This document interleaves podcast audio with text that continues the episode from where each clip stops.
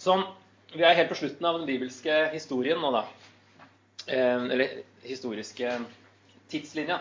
Selv om vi er ikke på slutten av, altså av Gammeltestamentet. For å ja, gjøre det klart.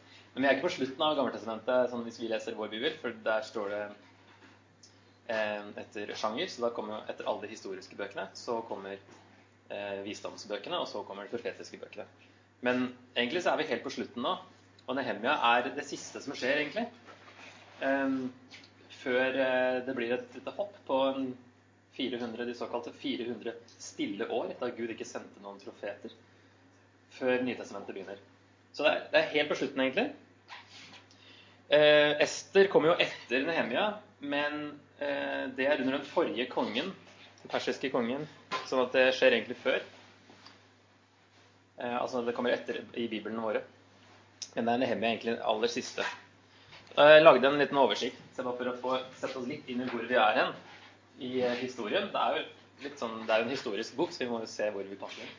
Altså, det er jo ja, Det øverste linja, det er um, Det skjer jo egentlig ikke her, da, men det har skjedd at tempelet ble ødelagt av babylonerne, og um, folket ble tatt i eksil. Og så skjer det jo i 539 da de får lov å komme tilbake, så er det da at perserne overtar eh, og blir stormakt istedenfor babylonerne. Og så eh, er det da en eh, forandring i politikken, sånn at de får lov å, vende tilbake og bygge opp igjen tempelet.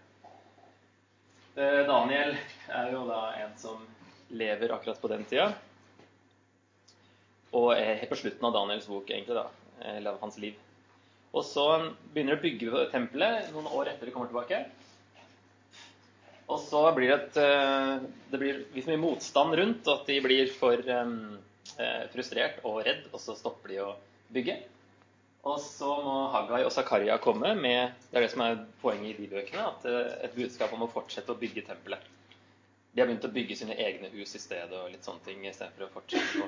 De la liksom bare grunnmuren på tempelet, og så gjorde de ikke noe mer. Så totalt tok det ca. 20 år da, før de var ferdig og så kommer Esters bok, som er da under eh, Xerxes, kanskje den mest kjente av disse perserkongene. Og så er det nå den kongen etterpå, Arta-Xerxes, den første, som Estra og Nehemia. Og det, Estra kommer i 458 før Kristus. Og så eh, virker det som at de begynner å bygge Altså, de bygger eh, De har bygd tempelet, og så begynner de å bygge muren rundt, og så stoppes arbeidet. Eh, og så er det liksom der Nehemia kommer inn noen år etterpå. Og Esra og Nehemia som bøker henger veldig sammen. sånn at det er, eh, De er jo én bok i den jødiske bibelen. Sånn at det er mye eh, bakgrunn som er i Esra, som fortsetter inn i Nehemia, og som leseren forventes å vite, egentlig. Um, F.eks. hvem som er kongen i begynnelsen av Nehemia. Eh, sies jo ikke altså, altså, i det 20. året. Og det er altså 20. året til kong Artaxerxes den første. Derfor vi havner på 445. Men han sier jo ikke hvilken konge det er. Men han er nevnt i Esra. Da, hvilken, eh, da kom Esra i eh, det sjuende året, tror jeg det står, av Artaxerxes den første. Ja. Eh, men i Esra 4 så er det Dette er jo før at det er når de begynner å um, Estra som bok da, går lenger tilbake. Det tar helt fra, fra 539 og tilbakevendingen og fremover. Så Estra som person kommer ikke inn før helt på slutten. Det siste fra vers, kapittel 7 til 10. Eh, sånn at det er litt forskjell på bok og person. Um, og i kapittel 4 så er det sånn en ting med sånn, disse historiske bøkene i Bibelen. Kronologien er ikke sånn vi forventer det alltid. Og her er det da i kapittel fire sånn, en såkalt teleskopering framover i tid. Mange, eh, mange konger fram. Eh, fordi det er samme tema, og det handler om denne motstanden som de møtte når de skulle bygge opp igjen. Så i Esra 4 ifra vers eh, 7 ja, Vers 4 så står det egentlig eh, Folket i landet tok da motet fra Judas folk og skremte dem fra å bygge. Eh, det er tempelet da, som holder på her. De betalte kongens rådgivere for å motarbeide byggeplanene så lenge perserkongen Kyros levde. Det er den første, første kongen.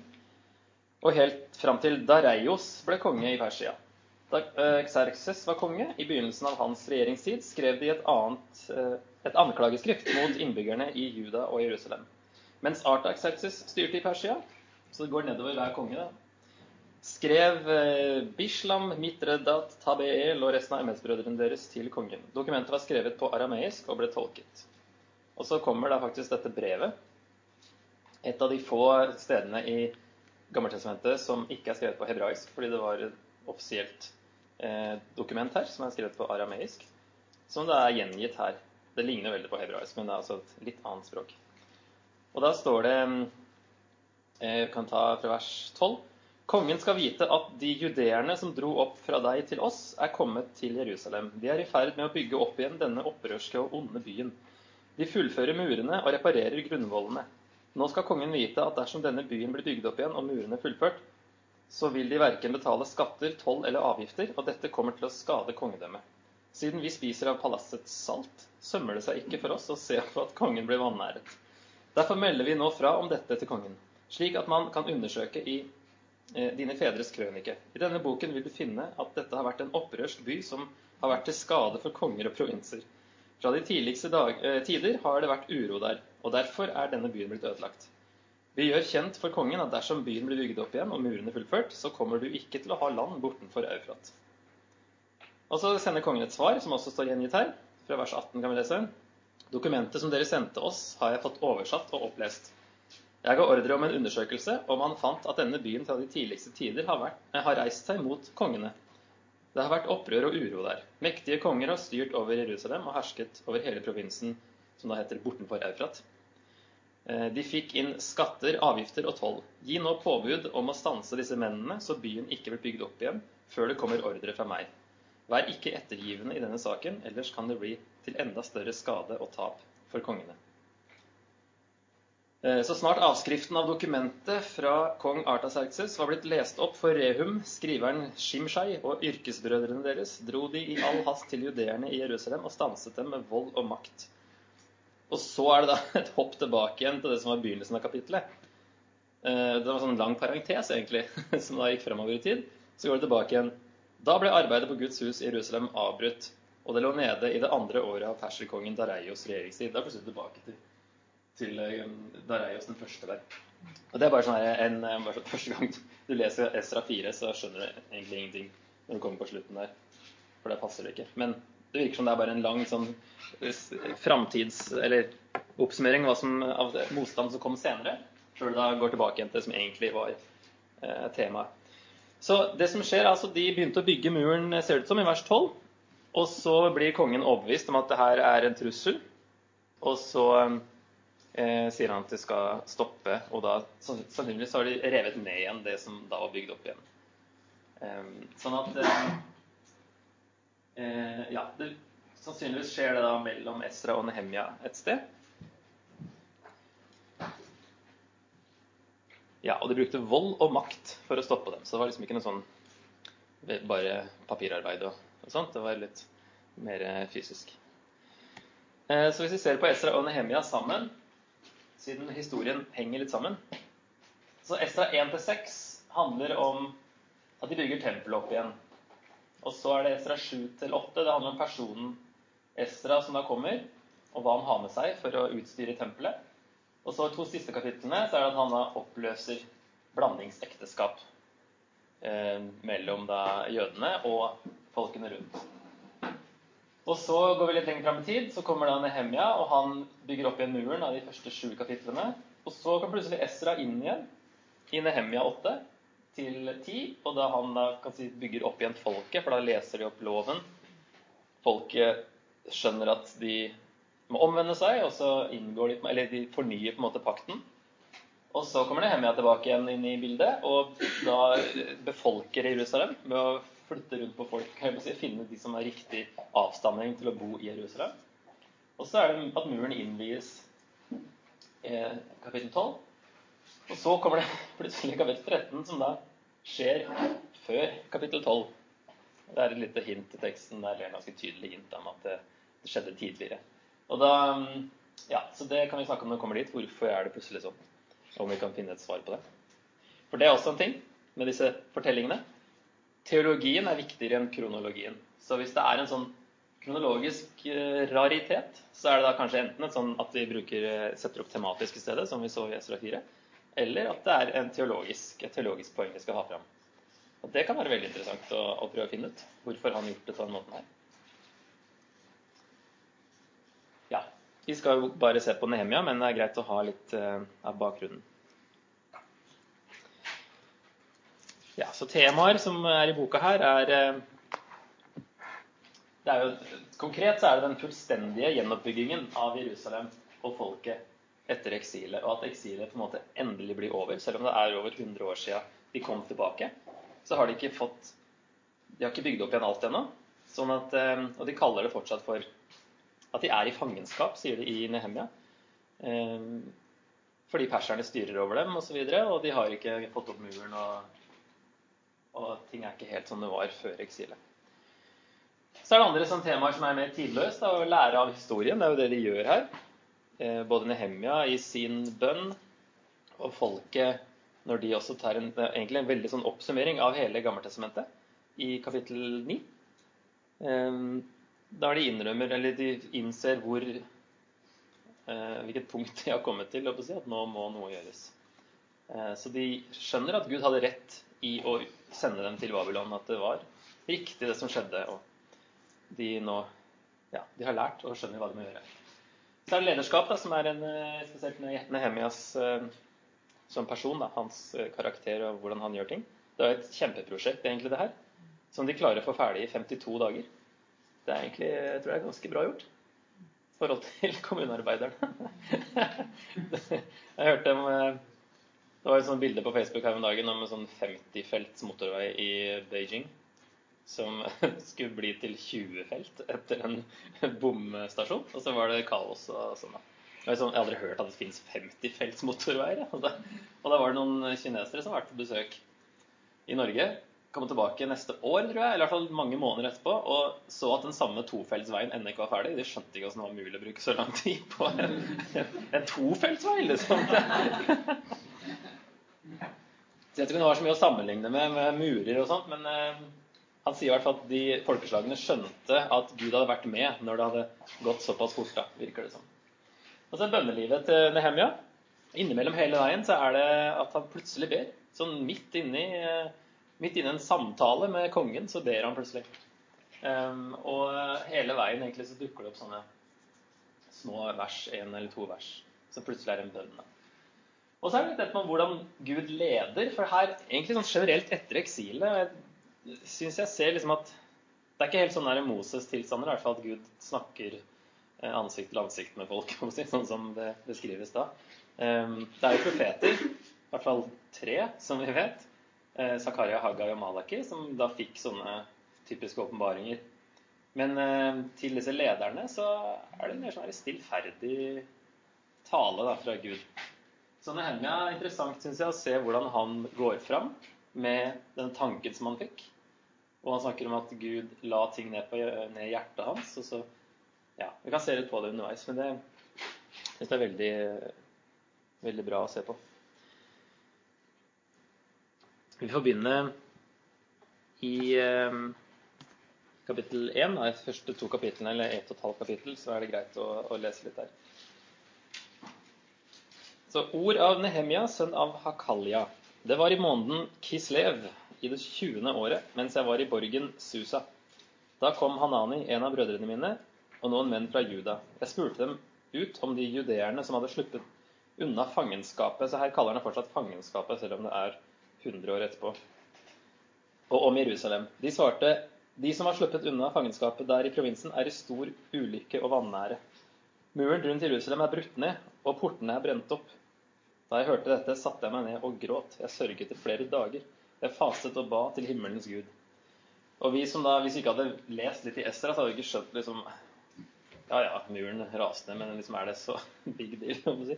Men han, eh, nå var liksom muren var på vei opp, og så ble den stoppa og ødelagt igjen. Og det er jo liksom enda hakket verre. Eh, når det liksom var på vei til å gå bra. Eh, og det ser ut som en gang Nehemia tar det her veldig seriøst. da. Um, i flere dager faste det ba. Og så kommer bønnen hans, som han da kanskje ba hver dag, da, siden det står flere dager, men så går det faktisk eh, fire måneder til Når det er i kapittel to, så er det fire måneder etterpå, for da står det måneden Nisan. Og det er da Hvis du må sjekke litt sånn bak, bak i Bibelen, så er det fire måneder etter Kislev. Altså fra ca. desember til mars-april. Um, så vet, altså han sier um, um, i vers 11 der La tjeneren din lykkes i dag. Han sier i dag, og så sier han fortsatt at han ba i mange dager, og så går det plutselig fire måneder. Og så kan det bety at han faktisk ba, om ikke akkurat det her, hver dag, så ba han i hvert fall noe i den duren her hver dag i fire måneder, og ba La tjeneren din lykkes i dag. La ham finne barmhjertighet hos denne mannen. Og denne mannen er da ikke nevnt, men det er da kongen som da kommer i neste.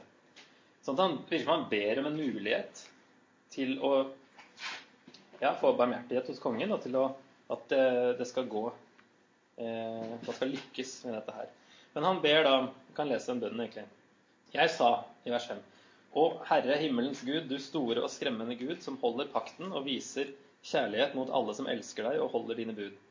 La ditt øre lytte og øynene dine være åpne, så du hører din tjeners bønn, som jeg ber til deg nå, både dag og natt, for israelittene, dine tjenere. Jeg bekjenner syndene som vi israelitter har gjort mot deg. Også jeg og min fars hus har syndet. Vi har handlet ille mot deg og ikke holdt budene, forskriftene og lovene som du ga din tjener Moses. Husk det du påla din tjener Moses. Hvis dere er troløse, vil jeg spre dere blant folkene. Men hvis dere vender om til meg og holder budene mine og lever etter dem, så om dere så er drevet bort til himmelens grense, skal jeg samle dere derfra og bringe dere til det stedet som jeg har valgt til bolig for mitt navn. De er tjenerne dine og folket ditt, som du har fridd ut ved din store kraft og sterke hånd. Og Herre, la, la øret ditt lytte til bønnene fra tjeneren din og tjenerne dine, de som gjerne vil frykte ditt navn. La tjeneren din lykkes i dag, la ham finne barmhjertighet hos denne mannen. Jeg var kongens munnskjenk da dette hendte. Se bare litt på det. For det her, Han eh, refererer jo til Mosebøkene, og det som Moseloven sa skulle skje hvis de ikke holdt loven, det var at de skulle da eh, til slutt, hvis det da etter mange advarsler og mange profeter ikke omvendte seg og kom tilbake til loven, så skulle de da bli tatt av et annet folk til et annet land. Og det er jo det som skjedde, som han eh, har jo skjønt at det er det som har skjedd. Eh, og så virker det som at det er en parallell det, ja, mellom da, det han ber her, at det på en måte er en sånn slags Det gir litt struktur på hvert fall hva som skjer i 8, 9 og 10. Det er litt sånn som Paulus gjør faktisk i sine brev. Eh, altså Åpninga i brevet til Paulus har ofte de samme temaene som kommer igjen i resten av brevet. Og her, Det kan være noe det samme. Jeg vet ikke om Nehemia har skrevet dette sjøl. Det er liksom sånn det er ikke, Plutselig er Nehemia tredjeperson når det er snakk om Esra. Så det er liksom, er, det, er, alt skrevet av Nehemia, eller er det en annen som har redigert og brukt andre kilder? og sånne ting? Det, det er jo Guds ord uansett, men eh, det er ikke helt lett å vite hvem som er forfatteren. da. Men han sier altså vi har handlet ille mot deg og ikke holdt eh, budene, forskriftene og lovene. Og så er det at Esra leser opp loven i kapittel 8. Men hvis dere vender om til meg, og det er det folket gjør, eh, og holder budene, og det er det de sier at de vil leve etter loven. Så det blir en slags Det kan være noe som som peker framover, og som da kan forklare litt av den kronologigreiene som er litt sånn annerledes, muligens. I hvert fall noen teorier rundt dette her. Eh, og det her 8, 9 og 10 kommer plutselig eh, er akkurat i gang med å begynne å, befolke byen. Tre-fire vers i kapittel 7. Og så kommer det sånn digresjon, nesten. Avbrekk med dette her. Og så fortsetter det igjen i kapittel 11, er det vel. At han fortsetter der han var i kapittel 7. Så det er litt, sånn, litt interessant, det der. Um, så poenget er at loven og omvendelse må komme før de får komme på en måte bo i Jerusalem igjen. Det var det Moses hadde sagt, og Moseloven sa. Og også når det settes opp sånn på den måten at plutselig Esra kommer inn før Nehemia eh, befolker byen, at, alt, at det Esra og Nehemia gjorde, blir sett på som eh, deler av Guds store plan. At det var én plan som Esra og Nehemia bidro med, eh, og at det gikk på en måte i den rekkefølgen det skulle gå på med omvendelse før de kunne bo i byen. da. Så i kapittel to da, så er det da fire måneder senere. Og en munnskjenk, det var jo Eh, en som da bl.a. smakte på vinen til kongen. Og det her er snakk om verdens mektigste mann på den tida. Og så er Nehemia den som har jobben med å faktisk eh, smake på vinen. Eh, han kunne jo Altså, man kunne gjerne Altså, sikkert mange Jeg tror det var kongen etterpå. Serkses andre, som regjerte veldig kort. Også broren hans tok over regjerte veldig kort før det kom en tredje konge. Så det var mye sånn her eh, kupp av trone og prøvde å ta livet av kongen og sånt. Så her er Nehemia den som faktisk skal smake på vinen for å teste at det ikke er noen som er forgifta vinen. Og han kunne jo da gjøre det sjøl hvis han var en luring. Men uh, kongen stolte tydeligvis på Nehemia. Verdens mektigste mann stolte på Nehemia. Det er ganske interessant at han er en sånn Daniel-figur som får en skikkelig troverdig posisjon.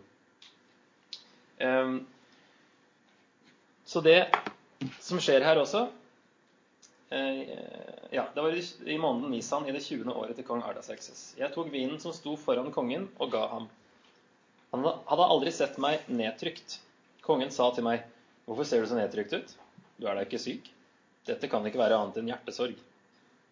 Jeg ble svært redd, står det. Det var liksom ikke bare bare. Det var ikke sånn koseprat med kongen, men eh, han likevel var en som sto ganske nær. da og sa til kongen, lenge leve kongen, skulle jeg ikke se nedtrykt ut når byen der fedrene mine er gravlagt, ligger øde og portene er fortært av ild? Kongen sa til meg, hva ønsker du? Jeg ba til himmelens Gud. Da kommer det en sånn Da står han i Altså, det her Først tenker vi, hvorfor ble han så redd?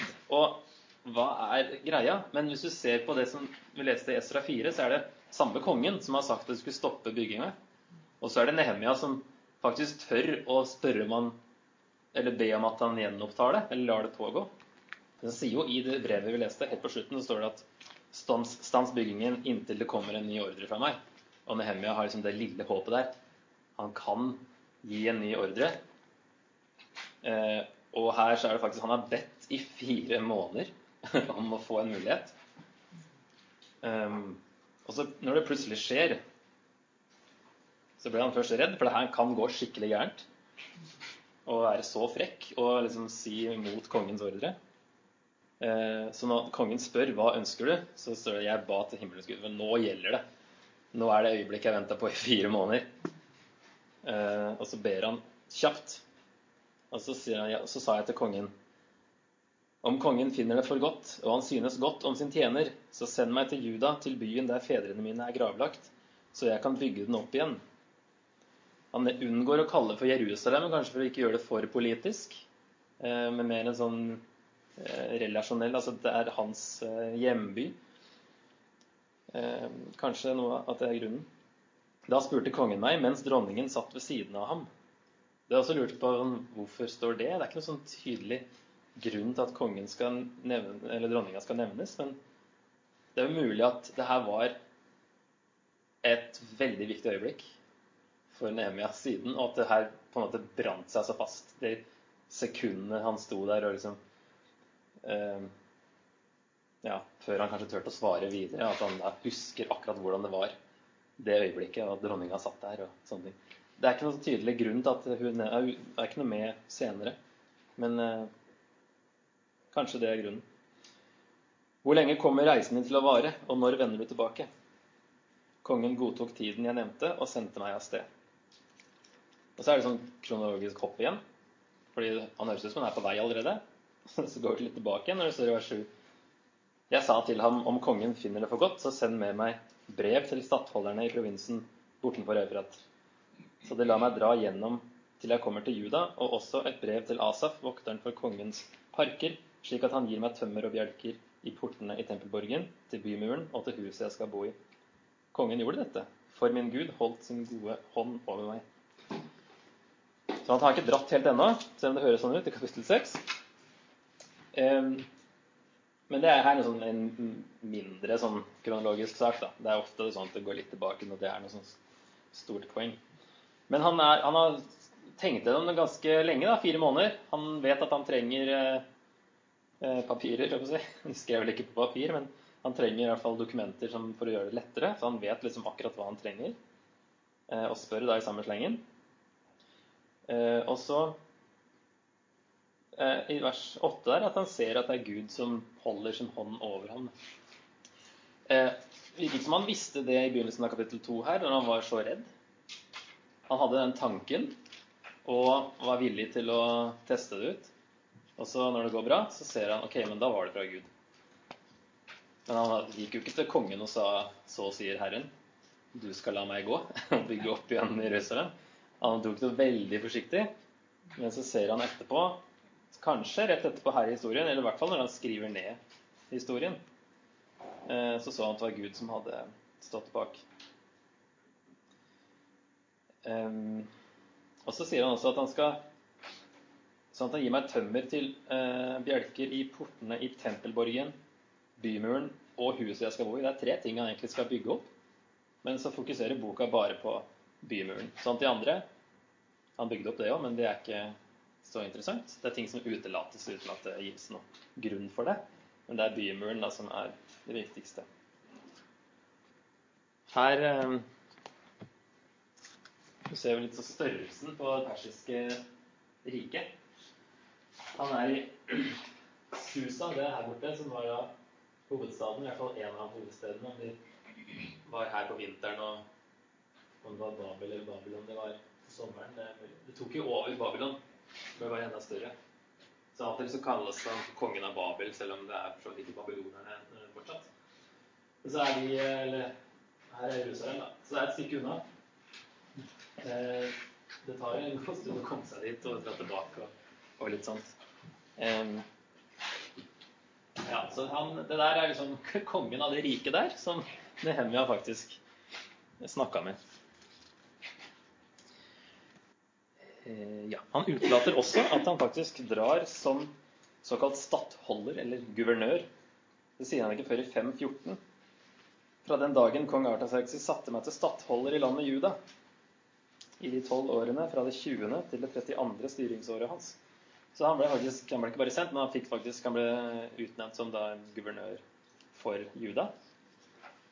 Som da sikkert ikke hadde noen eh, akkurat nå, før ting var bygd opp igjen. Det er også en sånn ting som da ikke nevnes før lenge etterpå.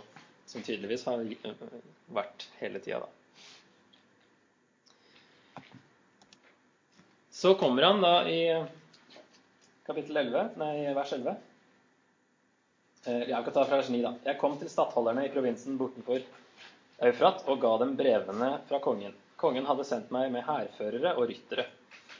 Horonitten Sanballat og ammonitten Tobia, tjenestemannen, fikk høre dette. De tok det ille opp at det hadde kommet en mann som ville israelittene vel. Dette er de to, altså Sanballat og Tobia det er de to hovedfiendene som da får med seg flere og flere og lager mer og mer press fra de folkeslagene rundt. Så kom jeg til Jerusalem, da jeg hadde vært der i tre dager, dro jeg ut om natten sammen med noen få menn. Jeg hadde ikke fortalt noe menneske hva min Gud hadde lagt meg på hjertet å gjøre for Jerusalem. Jeg hadde ikke med meg andre dyr enn det jeg red på. Og så er det litt hvor han dro. Detaljerte steder eh, for å inspisere. Og så vers 16. Stormennene visste, visste ikke hvor jeg hadde vært, eller hva jeg hadde gjort.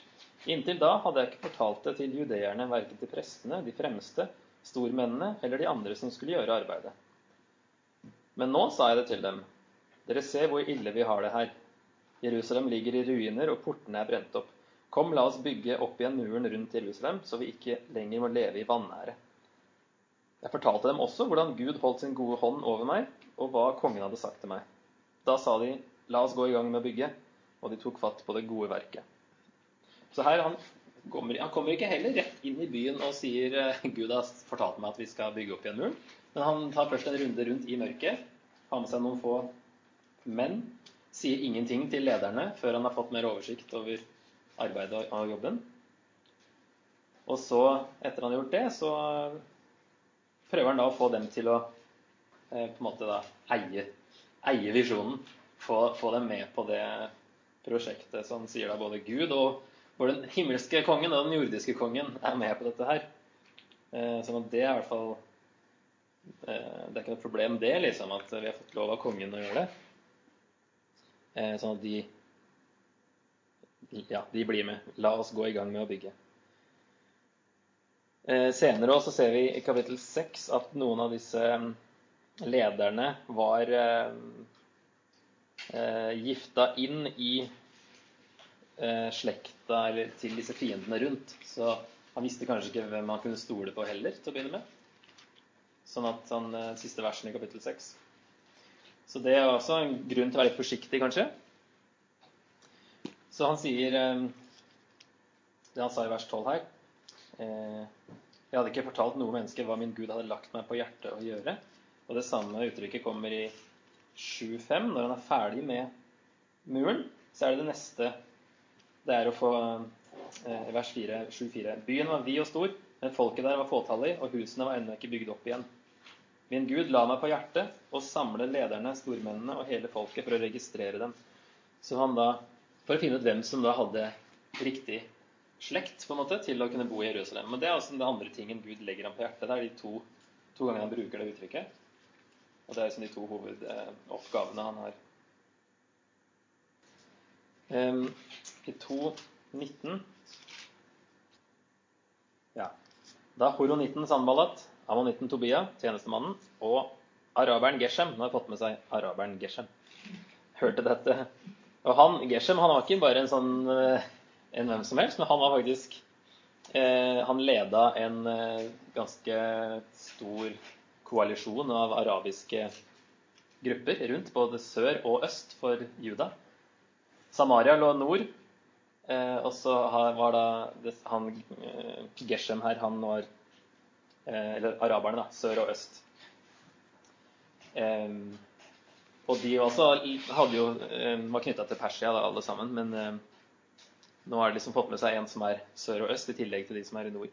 Så prøver de å skremme på samme måte som de gjorde i Estra 4. Eh, da de hørte dette, spottet og hånte de oss. De sa, 'Hva er det dere holder på med? Gjør dere opprør mot kongen?' Jeg svarte dem, 'Himmelens Gud vil la oss lykkes. Vi, hans tjenere, skal gå i gang med å bygge, men dere har ingen del, ingen rett og ingen historie i Jerusalem.' Det er noe av det samme som skjer også derfor de begynner å krangle i Estra.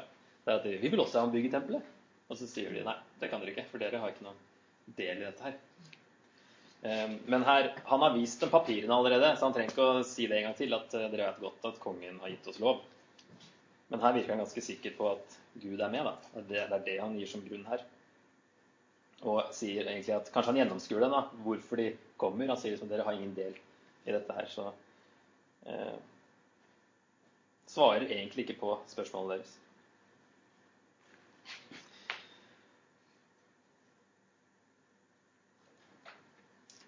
Så eh, ja, her er muren. Kapittel tre er jo veldig mange navn, da. Der det eh, egentlig bare listes opp hvem som bygde hvor. Um, det, vi kjenner jo ikke til disse stedene, og det er jo ikke helt som det er i dag heller. Hvis du ser den minste her, var den muren som de bygde opp.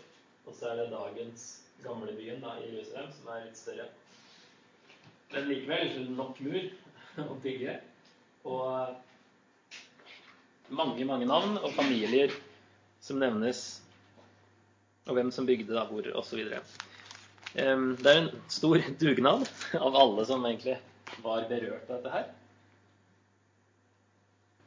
Og her, altså her blir muren ferdig, egentlig, i kapittel 3. Altså det er en sånn, hopper det fram igjen i tid og gir en oppsummering før du går tilbake i kapittel 4 på at de bygger den halvhøy, står det bygde opp muren i halv høyde helt rundt, mens den er egentlig ferdig i kapittel 3. Så det er sånn et oversiktskapittel som da ikke er helt kronologisk, det heller. Eh, men poenget er å vise at hele folket ble med. og Han har ikke med seg masse arbeidere som skal gjøre dette her, men han får med de som faktisk var berørt, og som bodde der. Eh, så er det noen som Eneste unntaket i vers 5 ved siden av dem arbeidet mennene fra Tekoa, men de fremste blant dem ville ikke bøye nakken i arbeidet for herrene sine. Så det er en gruppe av de fremste av dem som da ikke ville være med. Det er de eneste. Men han bryr seg ikke så mye om dem. Fokuserer da på alle de andre som faktisk ville være med. Og til og med noen damer som nevnes i vers 12. Eh, ehm, og døtrene hans, står det helt til slutten her i vers 12. Kanskje de ikke hadde noen sønner, så han måtte få med seg døtrene sine til å være med å bygge. Så det er delegering på høyt nivå. Eh, og han har også god oversikt over hvem som arbeider hvor. Det er også med lederskap å gjøre. Det er 40 grupper cirka, som jobber samtidig rundt hele muren her. Og han motiverer dem på ulik måte. Det er både familier som jobber sammen, og det er individuelle. Eh, og så jobber de etter hvor de bor. De skal fikse muren nærmest huset sitt, så det er også motiverende. Um, og ja, sosial posisjon her og yrke også spiller en rolle. Altså, han bruker mange måter å, få med seg folk og sette rett mann på rett sted, på en måte. Fra vers 22 så står det at de jobbet um, ja, Etter ham arbeidet prestene som bodde i nærheten. Uh, etter dem arbeidet Benjamin og Hashub like ved sine egne hus. Etter ham arbeidet Asaria, sønn av Maaseia, sønn av Ananya, ved siden av sitt eget hus. Så det er eh, veldig mange da som jobber der de bor. Så kommer det masse motstand i kapittel 4 og 6. Litt sånn eh, andre slags vanskeligheter i kapittel 5. Men allikevel, de tre kapitlene, så er det motstanden tiltar. Eh, og det er veldig ofte disse uttrykkene Da Sambalat og så videre hørte at vi hadde gjort det og det, så skjedde det noe. Så her, da han hørte at vi holdt på å bygge opp muren, ble han sint. Han var fra seg av raseri. Han spottet judeerne.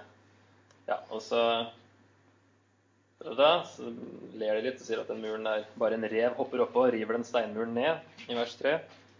Det her kommer ikke til å holde.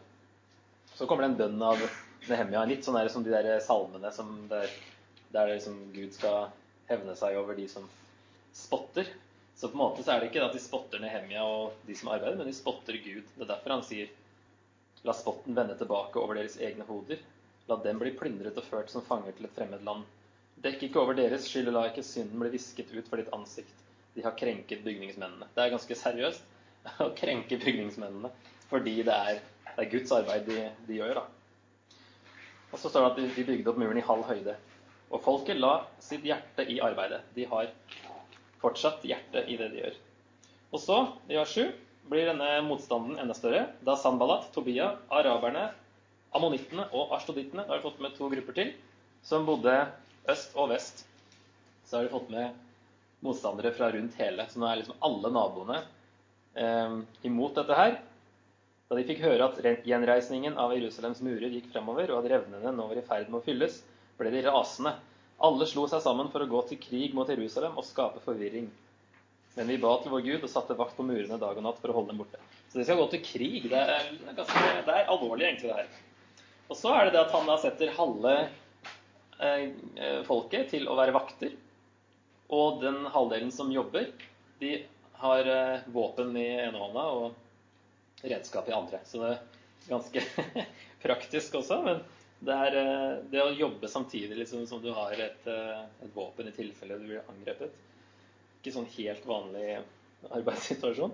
Og altså et sånt alarmsystem også, når han sier på slutten her i eh, vers 19 Arbeidet er stort og hvitt. Vi står spredt på muren, langt fra hverandre. Om dere hører lyden av hornet, skal dere samle dere omkring oss. Vår Gud vil kjempe for oss. Så eh, hvis noen ble angrepet, så skulle dette hornet få alle til å komme dit og forsvare. Eh, han sier også i vers 15, da, etter han har satt opp eh, vaktstyrken og rundt hele, og så står det at eh, eh,